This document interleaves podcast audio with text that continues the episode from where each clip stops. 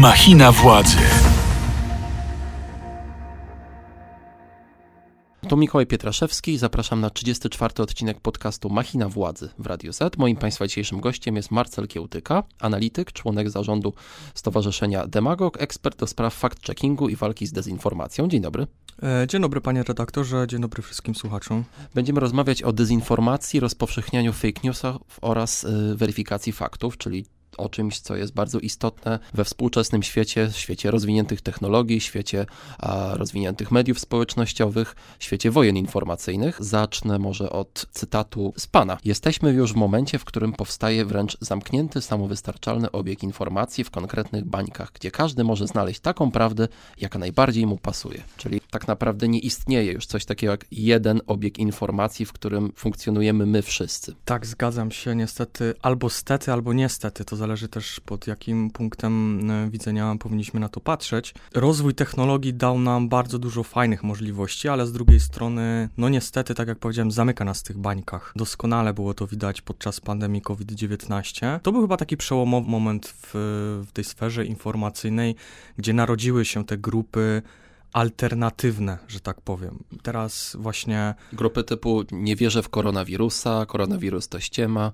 Tak, te grupy, które z automatu odrzucają wszystkie mainstreamowe media, wszystkich mainstreamowych polityków, naukowców, dziennikarzy, prawników, e, którzy mają już swoich dziennikarzy, mają swoje media, mają właśnie też swoich nawet prawników. No i wiadomo. Ekspertów medycznych, paramedycznych. Ekspertów, me tak, pseudo nawet bym powiedział ekspertów medycznych, e, czy nawet swoich polityków, chociaż przy tym ostatnim to nie jest, tak mi się wydaje, duże zaskoczenie, bo zawsze gdzieś tam polityk e, szuka tej, tego swojego elektoratu i gra na tych, którzy potencjalnie mogą na niego zagłosować. Wy jako demagog, bo istniejecie już od siedmiu lat, mhm. dobrze mówię? I jesteście pierwszą taką y, organizacją, która na pełen etat, jeżeli tak to mogę y, ująć kolokwialnie, zajmuje się y, weryfikacją faktów, walką z dezinformacją.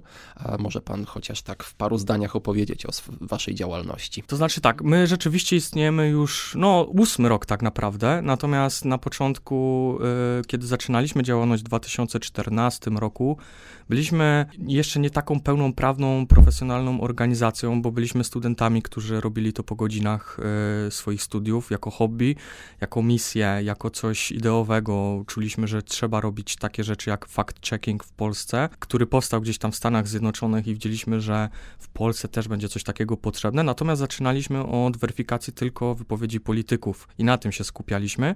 Natomiast chyba już od 2016, o ile się nie mylę, istniejemy jako pełnoprawne stowarzyszenie Demago, jako organizacja pozarządowa.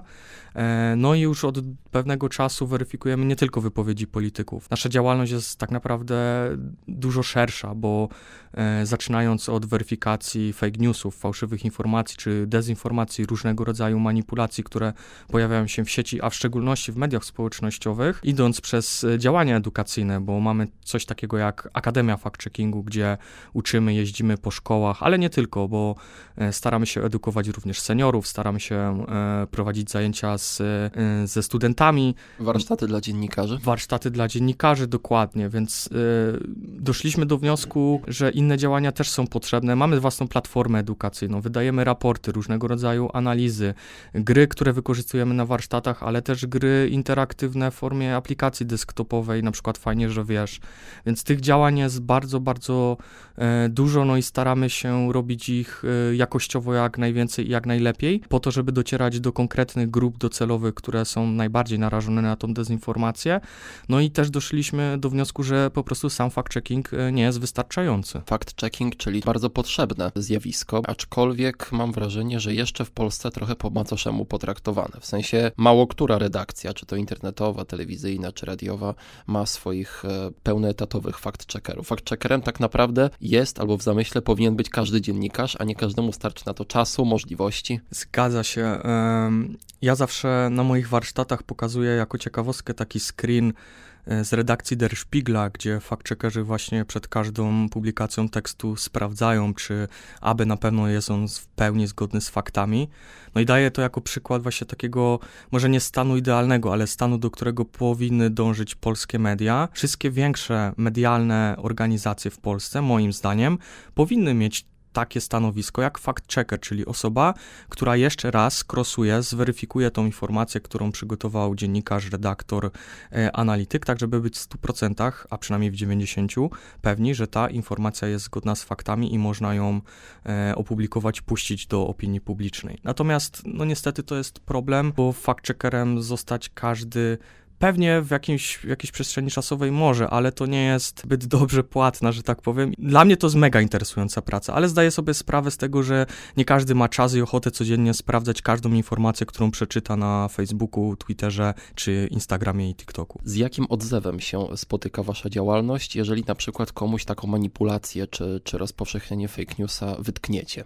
Na przykład, nie wiem, pojawia się, dajmy na to, artykuł w internecie na temat zmian klimatycznych i tam pojawiają się fałszywe dane, fałszywe statystyki i co wtedy? To jeżeli już zweryfikujemy ten artykuł i publikujemy go na naszej stronie internetowej, puścimy informacje w social mediach, reakcje są różne i są często skrajne niestety. Świetnie to pogada, pokazała znowu pandemia, gdzie mierzyliśmy się ze strasznym zalewem hejtu e, ze stron antyszczepionkowych, ze stron sceptycznie nastawionych do, do szczepień, e, czy wręcz stron mm, wprost negujących pandemię COVID-19. Niech zgadnę, zarzucano wam, że działacie na, nie tylko na szkodę społeczeństwa, ale że wręcz na zlecenie jakichś obcych służb. Tak, oczywiście, no nie tylko służb, bo oczywiście głównym naszym rzekomo sponsorem jest Bill Gates i George Soros, więc takie oskarżenia też padały. Potem rzekomo mieliśmy współpracować e, z rządem i z Ministerstwem e, Zdrowia. E, no bardzo różne skrajne bzdury zaczęli o nas ludzie wypisywać. Natomiast oczywiście w sieci też jest bardzo dużo pozytywnych komentarzy na temat pracy, jaką wykonujemy, co nas trochę zaskoczyło, bo bardzo te pozytywne komentarze wypłynęły podczas y, wybuchu wojny, gdzie my z tą dezinformacją mierzymy się od 24 lutego. E, bardzo dużo, bardzo naprawdę dużo ludzi do nas pisało z miłymi słowami, że robimy świetną robotę, więc to bardzo podbudowuje. E, natomiast musimy też pamiętać, że tych skrajnych środowisk w internecie wcale nie jest tak dużo. Oni tylko sprawiają takie wrażenie, że, że to jest są głośni masa. po prostu. Dokładnie, bardzo głośno krzyczą i potrafią e, w sposób skrajny i donośny wyrazić tą swoją opinię.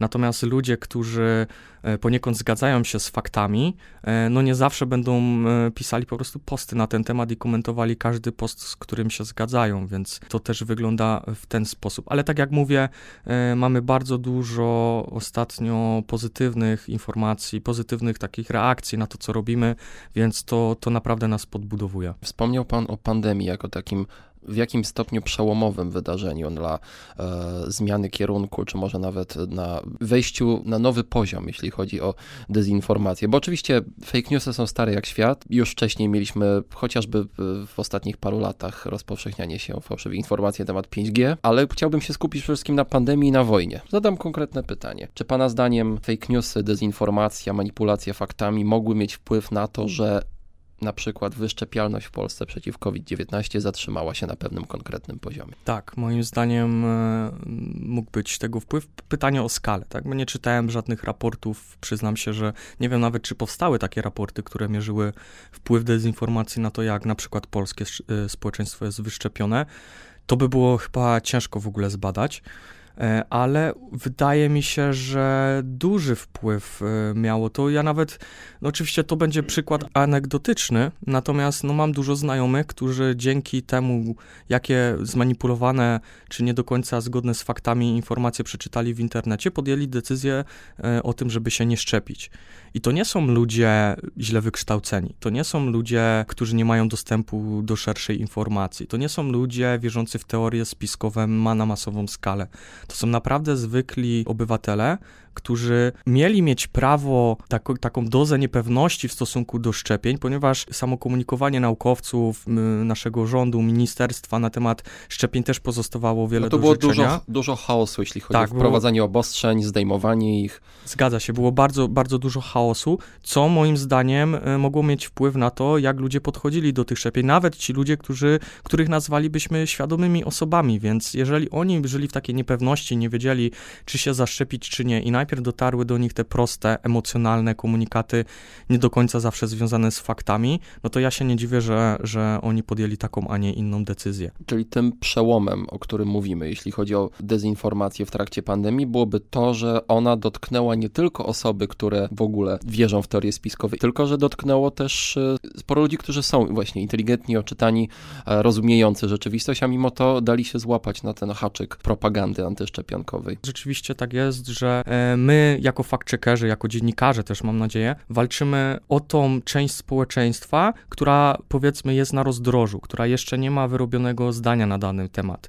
której trzeba dostarczyć obiektywnych, rzetelnych informacji po to, żeby oni mogli wyciągnąć świadome wnioski i podjąć świadome decyzje na podstawie tych rzetelnych informacji. Niestety pewna część społeczeństwa, chyba w każdym społeczeństwie tak będzie, że ten margines społeczeństwa będzie przekonany, a przekonanych już nie przekonamy. To będą zawsze ci skrajni anty właśnie, tu sobie dodajmy, bo to nie tylko tematu szczepień dotyczy. Ta, takie osoby wolą raczej, jak mówi się o nich, sceptycy. Sceptycy, tak, tak, tak. To jest może delikatniejsze określenie, mhm. ale może rzeczywiście nie pozostawia tutaj pola do Ja bym użył słowa propandemicy na przykład, bo wszystkie, wszystkie, wszystkie fakty i wszystkie badania naukowe świadczą o tym, że szczepionki pomagają zwalczyć pandemię, przynajmniej szczepionki COVID-19, bo o tym w tym kontekście mówimy. Więc jeżeli ktoś zaprzecza ewidentnym faktom, no to no, no, oczywiście nie musimy go obrażać, no ale możemy go nazywać po imieniu. Więc jeżeli takie osoby nie czują się antyszczepionkowcami, bo często jest taki rzucany argument, że oni wcale nie są przeciwko innym szczepieniom, tylko przeciwko tym konkretnym, no to moim zdaniem możemy ich nazwać na przykład propandemikami. Słuchasz podcastu Radia Z. Jeżeli jesteśmy już przy y, koronawirusie i pandemii, a chciałbym, żebyśmy przeszli też do tematu wojny w Ukrainie, czyli kolejnego zjawiska, które spowodowało rozrost właśnie dezinformacji i fake newsów, to się troszeczkę ze sobą łączy w tym sensie, że zapewne wy jako demagog, jako stowarzyszenie, jako fact-checkerzy zaobserwowaliście pewną zależność między troll kontami, które y, rozpowszechniały fałszywe informacje na temat pandemii, oraz trollkontami, które e, rozpowszechniają fałszywe informacje na temat osób uciekających z Ukrainy, czy w ogóle na temat wojny, na temat Rosji, że to często są te same konta. Tak, e, generalnie jak wybuchła pandemia COVID-19, to my jako fact-checkerzy mieliśmy tak dużo pracy, e, pojawił się taki zalew fake newsów w polskiej sieci, że my myśleliśmy, że no gorzej być nie może, w sensie z punktu widzenia fact-checkerów, tak? Siedzieliśmy po 12 godzin na początku i sprawdzaliśmy tyle tych fejków, ile się dało, bo było ich tak dużo i były tak szkodliwe po prostu. E, no i przyszła wojna i wojna nam uświadomiła to, że może być gorzej w tej sferze informacyjnej, bo ten zalew prokremlowskiej dezinformacji chyba przebił nawet tą antyszczepionkową, e, tak mi się wydaje.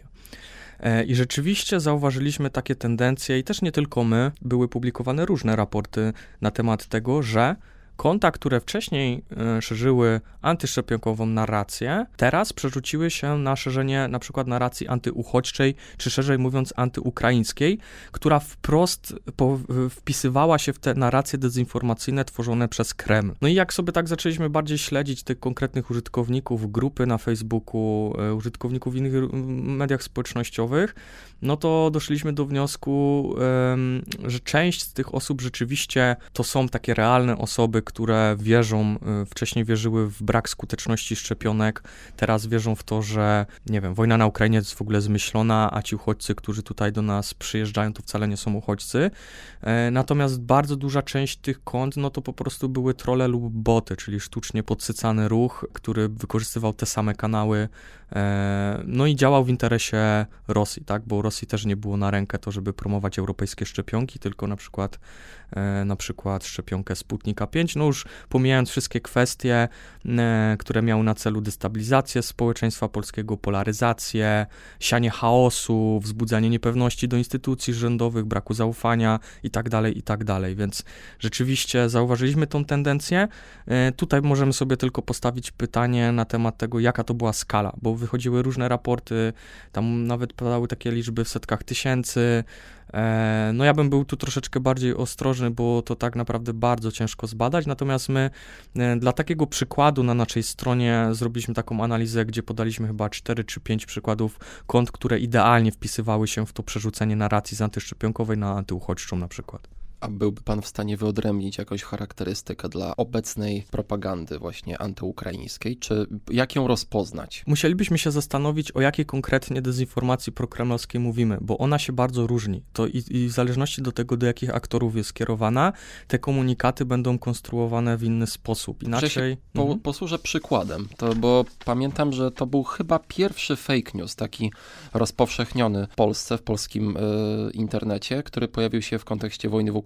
To było zaledwie kilka dni bądź tydzień po 24 lutym, kiedy pojawiły się informacje na temat rzekomych napaści seksualnych, jakich mieli się dopuszczać Ukraińcy wobec polskich kobiet, które chciały im pomóc. I to oczywiście wzbudziło ogromne poruszenie w sieci. Te informacje udostępniali różni użytkownicy, nie tylko ci, którzy wcześniej byli propandemikami. Ta informacja wkrótce przeniosła się ze świata wirtualnego do realnego. Pamiętam, że apogeum to były prawicowe bojówki, które czekały na uchodźców na dworcu w Przemyślu. To naprawdę bardzo łatwo doprowadzić do takiej eskalacji. Zgadza się, no takie przeniesienie tego, co się działo w internecie na, na takie realne życie też widzieliśmy podczas pandemii COVID-19, tak? Gdzie podpalono punkt szczepień, tak. gdzie atakowani byli pracownicy, czy obsługa szczepień, czy aptekarze, czy farmaceuci, e, więc e, ja się właśnie obawiam tego, że te antyuchodźcze nastroje, które e, tutaj Rosjanie cały czas próbują, próbują nas antagonizować w stosunku do uchodźców, mogą w końcu się przerodzić w jakieś realne działania.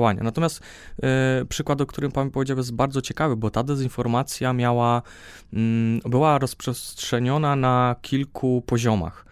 E, po pierwsze, właśnie poszedł komunikat o tym, że e, ci źli czarnoskórzy uchodźcy gwałcą i rabują na naszej granicy już. No i była bardzo punktowo e, rozprzestrzeniana ta dezinformacja, czyli od razu te komunikaty trafiały w środowiska skrajne, takie, które już miały zbudowany swój antyuchodźczy światopogląd i które były najbardziej potencjalnie na, nie tyle narażone, co skłonne po prostu zadziałać w realu, że tak powiem powiem. I rzeczywiście mieliśmy takie sytuacje, gdzie tam nawet doszło do chyba pobicia dwóch Hindusów, z tego co pamiętam, tak, w tak, Przemyślu. Tak, tak. E, Bo tam no, rzeczywiście y, zebrała się grupa takich właśnie chuliganów. Tak, z, kiboli, no nazwijmy tak, ich wprost. Z, pa, z pałkami baseballowymi, którzy wyczekiwali po prostu. Zgadza się. E, natomiast e, jednocześnie była mm, też kolportowana taka narracja, tak naprawdę granice nie przekraczają uchodźcy, mm, rodziny, mm, matki z dziećmi, tylko właśnie czarnoskórzy, którzy potem okazali się studentami z Afryki, z,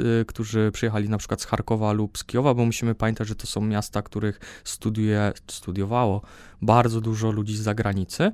E, natomiast jeszcze trzeci poziom e, takiej tej dezinformacji, który był połączony z uchodźcami, był komunikat wysłany e, na zachód do państw zachodnich, że Polacy to rasiści i nie chcą na przykład przepuszczać czarnoskórych na granicy. I to tyczyło się głównie Straży Miejskiej, ale jeżeli potem dodaliśmy do tego obrazki kiboli maszerujących przez Przemyśl i bijących Hindusów, no to mieliśmy pięknie ułożoną narrację dezinformacyjną, mówiącą o tym, że Polacy wcale nie są tacy fajni, bo, bo są rasistami. Z drugiej strony były dowody na to, że rzeczywiście tak jest, no bo ci kibole tam chodzą i biją, e, a z trzeciej strony ta Straż Miejska też nie przypuszczała, tak? Jeszcze tutaj jest kwestia akcji Śluza, która miała miejsce kilka lat wcześniej, znaczy rok czy dwa wcześniej e, przy granicy z Białorusią, e, gdzie Straż, Miejska, Straż Graniczna, przepraszam, rzeczywiście nie wpuszczała tych ludzi, tak? I tam mieliśmy w ogóle problem duży z dostępem do informacji, tak, no bo dziennikarze nie byli dopuszczani, więc ta narracja była bardzo z głową ułożona przez Rosjan, e, no i była bardzo dobrze targetowana w konkretne grupy społeczne, które reagowały na, na te fałszywe komunikaty. Czyli na przykład prawicowe środowiska skrajne, bo ponieważ wiadomo było, że taka informacja może ich e, niestety pobudzić do e, działania i przemocy. Zgadza się, dokładnie, dokładnie działało to w ten sposób. Granie na emocjach, no często te fake newsy grają po prostu na emocjach, często w błahych sprawach, ale w tym, w tym przypadku no to, było, to była dosyć niebezpieczna sytuacja. Akurat w przypadku antyukraińskiej propagandy to już widzimy pewne efekty, że pojawiają się takie, taka narracja w mediach społecznościowych, że Ukraińcy mogą nam zabrać miejsca pracy, że będziemy na nich łożyć, prawda, że oni... Na, był taki przecież moment, że naprawdę serio kolportowano takie y, informacje i takie opinie, że oni to specjalnie specjalnie przyjechali, żeby korzystać z darmowej komunikacji miejskiej. Tak, żeby po prostu wziąć 500 plus i wrócić do siebie, tak? Tak, tak, Albo ten PESEL, który mi jest przyznawany, to też rzekomo miał być po to, żeby wziąć udział w wyborach, tak? No właśnie, my tutaj możemy się trochę śmiać, ale absolutnie kuriozalne plotki, yy, kuriozalne pogłoski o tym, że yy, Polakom kradnie się PESEL, żeby przyznawać je Ukraińcom. Jakby, czy to już naprawdę do tego momentu doszliśmy, że coś takiego, co brzmi naprawdę absurdalnie i nierealistycznie, że w coś takiego jest sporo ludzi, którzy, którzy w to wierzą. No niestety to, to jest taki hmm. przykład właśnie tego absurdalnego fake newsa, który, w który ludzie wierzą. I nas generalnie często pytają, albo nawet czasami zarzucają nas nasi, na, na, nasi czytelnicy to, że dlaczego my się zajmujemy tak absurdalnymi czasami wręcz informacjami, które debankujemy. No i odpowiedź jest bardzo prosta. No niestety ludzie na to reagują, ludzie podają te informacje dalej i część z tych ludzi niestety w to wierzy. Ten przykład y, kradnięcia Polakom PESEL-ów, on już ma taką rzeczywiście formę mema i i my się troszeczkę z tego śmiejemy. No niestety on był dosyć skuteczny i dobrze pokazywał to, jak jest polaryzowane nasze społeczeństwo, bo z jednej strony ludzie zaczęli się wyśmiewać z tych, którzy w to wierzyli, a ci, którzy to uwierzyli, no to ta narracja dezinformacyjna bazowała tak naprawdę na niewiedzy tych ludzi, bo ludzie nie wiedzą, po co jest przyznawany PESEL, e, w jakim celu, jakie trzeba mieć kompetencje, powiedzmy, państwowe nadane od państwa, żeby wziąć udział e, w wyborach. Fakty były takie, że PESEL był tylko i wyłącznie wprowadzany po to, żeby ułatwić życie tym Ukraińcom, na przykład przy korzystaniu ze służby zdrowia, ale nie ma nic wspólnego z udziałem w wyborach. E, ludzie tutaj trzeba mieć obywatelstwo. Ludzie z uwagi na no tutaj oczywiście moglibyśmy rozpocząć dygresyjnie dyskusję na temat e, braków w edukacji, że ludzie naprawdę uwierzyli w to, że PESEL można komuś zabrać i przyznać na podstawie przyspieszonej procedury zupełnie innemu obywatelowi. No niestety część na pewno uwierzyła, a część pewnie nie do końca jeden do jednego wierzyła w to dokładnie stwierdzenie, ale jak usłyszała, że przyjeżdżają Ukraińcy masowo, no bo masowo, kilka milionów ludzi, to można powiedzieć, że to jest masowy ruch za wschodniej granicy. Nawet jeżeli część z nich wraca, nawet jeżeli część z nich później dostaje się do innych krajów, no to jednak spora tak, to, część została. To jednak spora część została, no a pewnie ci, którzy zostali, no to wszyscy dostali ten PESEL, więc takie, była taka niepewność tych, wśród tych ludzi i podejrzenia, że po co im ten PESEL, tak, że tutaj państwo polskie pewnie coś y, kombinuje, no i znowu tutaj wracamy do tego braku zaufania do instytucji państwowych. Ten brak zaufania jest bardzo wykorzystywany pod podsycaniu tych skrajnych emocji, na przykład antyuchodźczych, no i podbijaniu narracji prokremlowskiej, dezinformacyjnej narracji oczywiście. Chciałbym jeszcze e, ostatnią rzecz w kontekście wojny w Ukrainie. I to jest trochę niewygodny wątek i niewygodne pytanie, ale muszę je zadać, ponieważ wszyscy wiemy, że od lat Rosjanie prowadzą wojnę informacyjną. Wszyscy wiemy, że e, sączą czasami nawet dość ordynarną propagandę antyukraińską, antypolską, antyzachodnią, ale nie miejmy też wątpliwości, że czasami też swoją wojnę informacyjną prowadzą Ukraińcy. Że też to nie jest tak, że możemy jeden do jednego wierzyć w każdy przekaz, który płynie nawet z instytucji państwowych, rządowych. Że na przykład Sztab Generalny Sił Zbrojnych Ukrainy publikuje regularnie statystyki dotyczące e, strat, jeśli chodzi o sprzęt wojskowy, czy też statystyki zgonów rosyjskich żołnierzy. I my w to z jednej strony wierzymy, bo też chcemy wierzyć, bo wspieramy Ukraińców w tej walce, a z drugiej strony musimy mieć świadomość, że w ich interesie również istnieje podbudowanie morale społeczeństwa, więc pewnie te informacje też będą musiały przejść jakąś weryfikację. Mówię to też z perspektywy dziennikarza.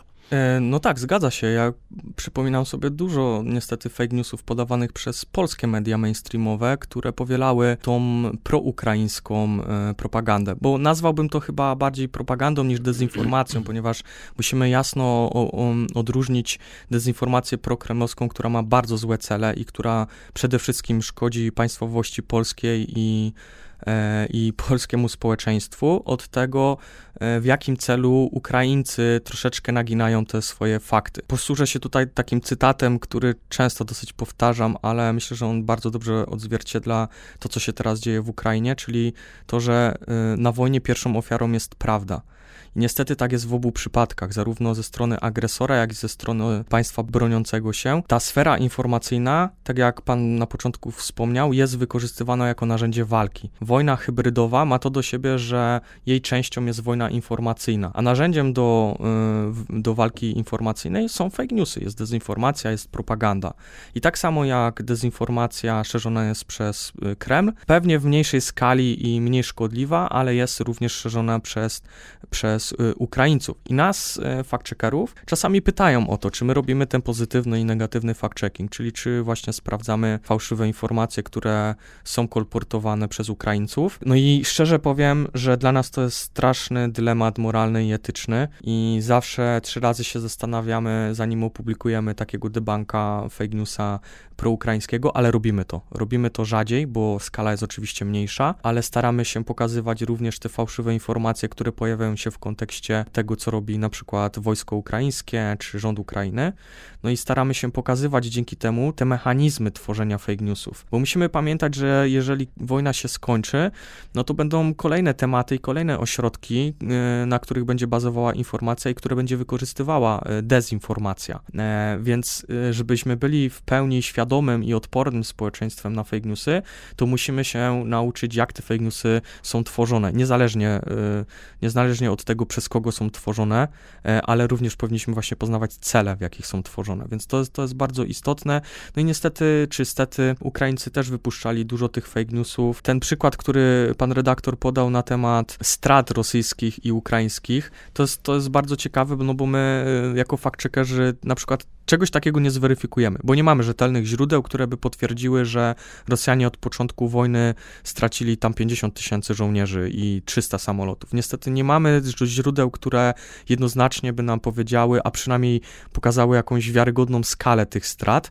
I tak samo Ukraińcy dopiero chyba kilka dni temu Zełęski po raz pierwszy poinformował, czy, czy Ministerstwo Spraw Zagranicznych Ukrainy do, dopiero po raz pierwszy poinformowało mniej więcej ilu żołnierzy ukraińskich ginie pod podczas tej wojny. No i tam z szacunków wyszło, że od początku, od 24 lutego było to około tam 20-30 tysięcy ludzi. No my niestety nie mamy dostępu do wszystkich aktów zgonów tych ukraińskich żołnierzy i nie mamy jak tego potwierdzić, czy temu zaprzeczyć, ale są pewne mniej szkodliwe y, fake newsy, które zweryfikowaliśmy. Był to na przykład zdjęcie Władimira Kliczki. Na samym początku wojny wyszło to zdjęcie, który z takim y, karabinem maszynowym i w mundurze armii ukraińskiej rzekomo miał walczyć walczyć na froncie pod Kijowem. Władimira czy Witalia? Przepraszam, Witalia hmm. Kryczki, oczywiście chodzi mi o mera Kijowa. No i się okazało, że to zdjęcie jest prawdziwe, ale zostało przedstawione w złym kontekście, bo Witali e, nie był na froncie i to było zdjęcie z 2021 roku z ćwiczeń. Było bar- no i to, swoją drogą bardzo dużo mediów mainstreamowych w Polsce podawało to zdjęcie jako fakt. Było też bardzo dużo takich e, fałszywych filmików, jeśli chodzi o stronę ukraińską, gdzie mieli zestrzelić MIGI 29 rosyjskie albo Su-40 47 potem się okazywało, że to nie była Ukraina, tylko Anglia, że to nie był 2022 rok, tylko 93 e, i nie wojna, tylko pokaz lotniczy, albo w ogóle symulacja gry komputerowej. I czy to dobrze, czy źle, czy my to weryfikujemy? No, my chcieliśmy zwrócić uwagę na to, że niestety od takich fake newsów tych samolotów rosyjskich nie ubędzie, więc e, nie możemy też zbytnio wierzyć we własną propagandę, jak bardzo byśmy dobrze nie chcieli dla, dla Ukraińców, żeby wygrali tą wojnę. E, no ale z drugiej strony to jest to, co powiedziałem na początku, czyli pokazywanie mechanizmu powstawania i rozprzestrzeniania się tych fake newsów. Słuchasz podcastu Radia Z. Jeszcze chciałbym podjąć taki wątek o tak zwanych celebrytach czy postaciach publicznych. To jest chyba największa zmora, jeśli chodzi o dezinformację. Osoby, które są popularne, mają szerokie zasięgi i mogą dotrzeć do bardzo wielu odbiorców i mogą ich, mówiąc y, kolokwialnie, zaczadzić e, tymi fake newsami.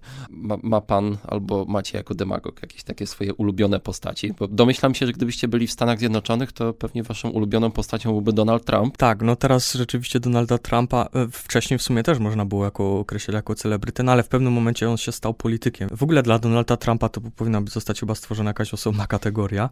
E, natomiast... Ktoś kiedyś wyliczał, że on na przykład w czasie kampanii... 30 tysięcy ponad kłamstw. Tak, e, tak. tak. The Washington Post Fact Checkers, e, taki zespół specjalny fact checkerów wydał taką całą książkę, jak mijał się z prawdą Donald Trump, ale też zaznaczy od razu, że tych kłamstw tam było tak dużo, E, ponieważ oni mu zaliczali te fałszywe informacje, które już wypowiadał na przykład rok temu. Jeżeli rok temu powiedział, że zbudował jakiś most i to jest jego zasługa i w tym roku powtórzył to kłamstwo, tą fałszywą informację, no to yy, analitycy zaliczali to po prostu jeszcze raz. Natomiast no, no, nie ma co ukrywać, że skala tych fałszywych informacji Donalda Trumpa była bardzo duża i to chyba jest w historii jeden z najmniej prawdomównych polityków. Natomiast wracając do kwestii influencerów czy celebrytów, no i znowu tutaj wraca pandemia COVID-19, yy, bo to chyba wtedy zauważyliśmy po raz pierwszy, jak bardzo dużo oni mają wpływ na to, jak ich odbiorcy kształtują swoje opinie. Jest bardzo dużo przykładów takich y, influencerów czy celebrytów, którzy wprowadzali opinię publiczną w błąd. Ja tutaj nie chcę wymieniać z imienia i nazwiska, ale odsyłam do nas y, na stronę internetową.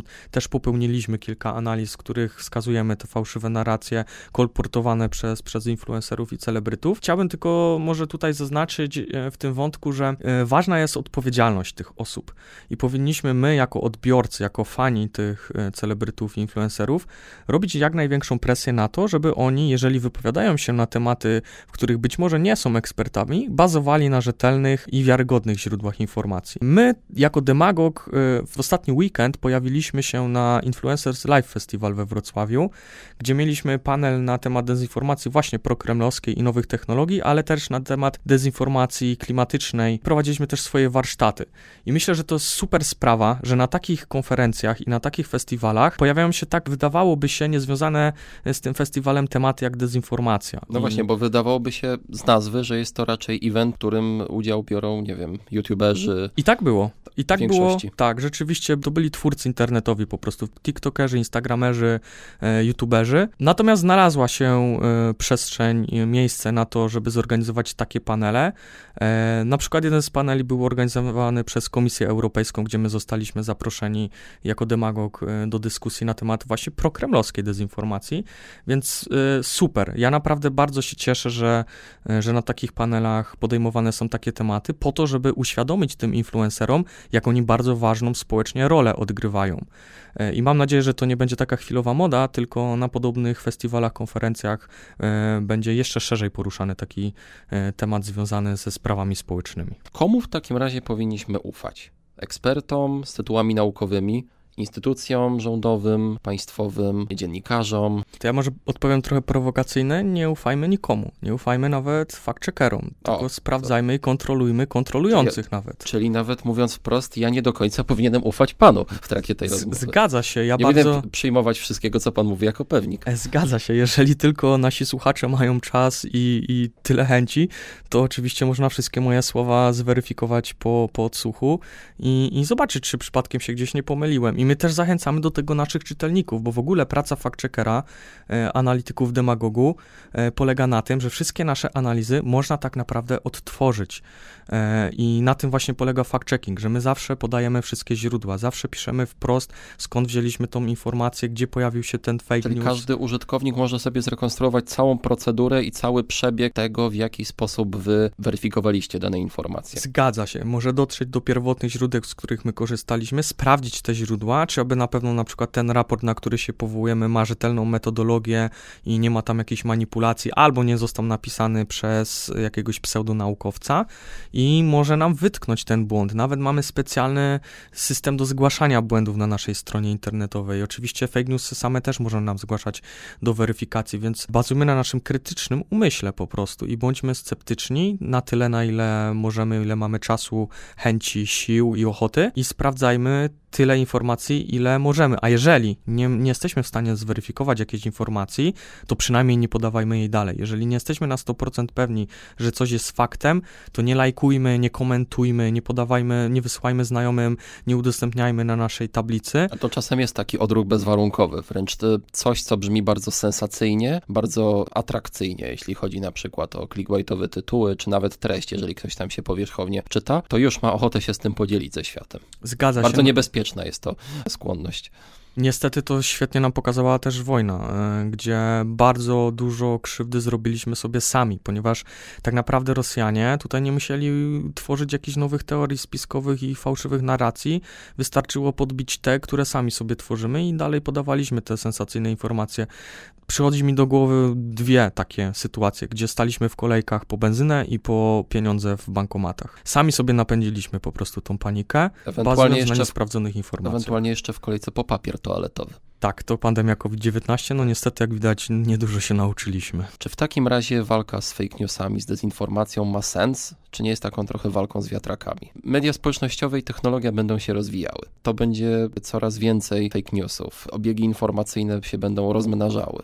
Więc pytanie, czy to nie jest na darmo? Rzeczywiście wszystko to, co powiedział pan redaktor, jest faktem. Mm, natomiast my raczej gdybyśmy nie wierzyli, że tą walkę da się wygrać, to jakby no, nie prowadzilibyśmy takiej działalności, jaką prowadzimy. My nadal jesteśmy bardzo misyjni i ideowi, ale zdajemy sobie sprawę z tego, że wszystkich fake newsów w sieci nie jesteśmy w stanie zweryfikować. Nie, nie, nieważne jakby wielki był demagog, ile było organizacji fact-checkerskich było na świecie, no to tych fake newsów zawsze będzie więcej, e, bo więcej jest ludzi po prostu i każdy teraz jest w stanie przez przypadek lub celowo wygenerować takiego fake newsa, bo mamy telefon w ręku i zdajemy sobie z tego sprawę, że wszystkiego nie sprawdzimy.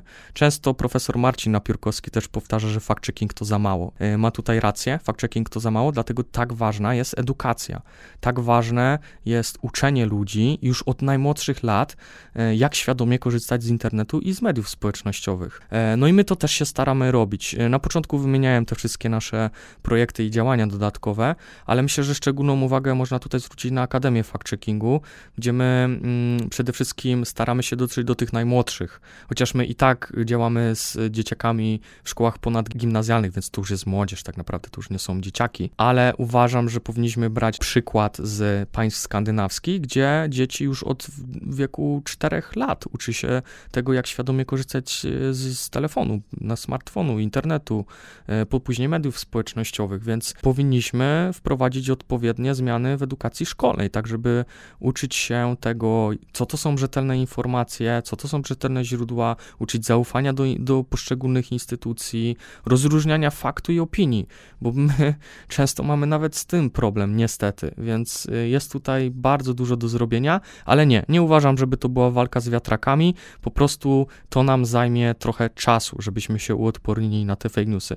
Wiadomo, wszystkich fake newsów nie wyplenimy, ale możemy się nauczyć skutecznie przed nimi bronić. Powiało lekkim optymizmem na koniec tej rozmowy. Moim i Państwa dzisiejszym gościem był Marcel Kiełtyka, analityk i ekspert do spraw fact-checkingu i walki z dezinformacją, członek zarządu Stowarzyszenia Demagog, pierwszego polskiego stowarzyszenia, które zajmuje się pełnoetatową weryfikacją faktów. Dziękuję bardzo. Bardzo dziękuję również za rozmowę. Zapraszam w takim razie na przyszłotygodniowy odcinek. To będzie odcinek numer 35. Zapraszam już w imieniu Błażeja Makarewicz. Do usłyszenia. Machina władzy. Więcej podcastów na player radioz.pl.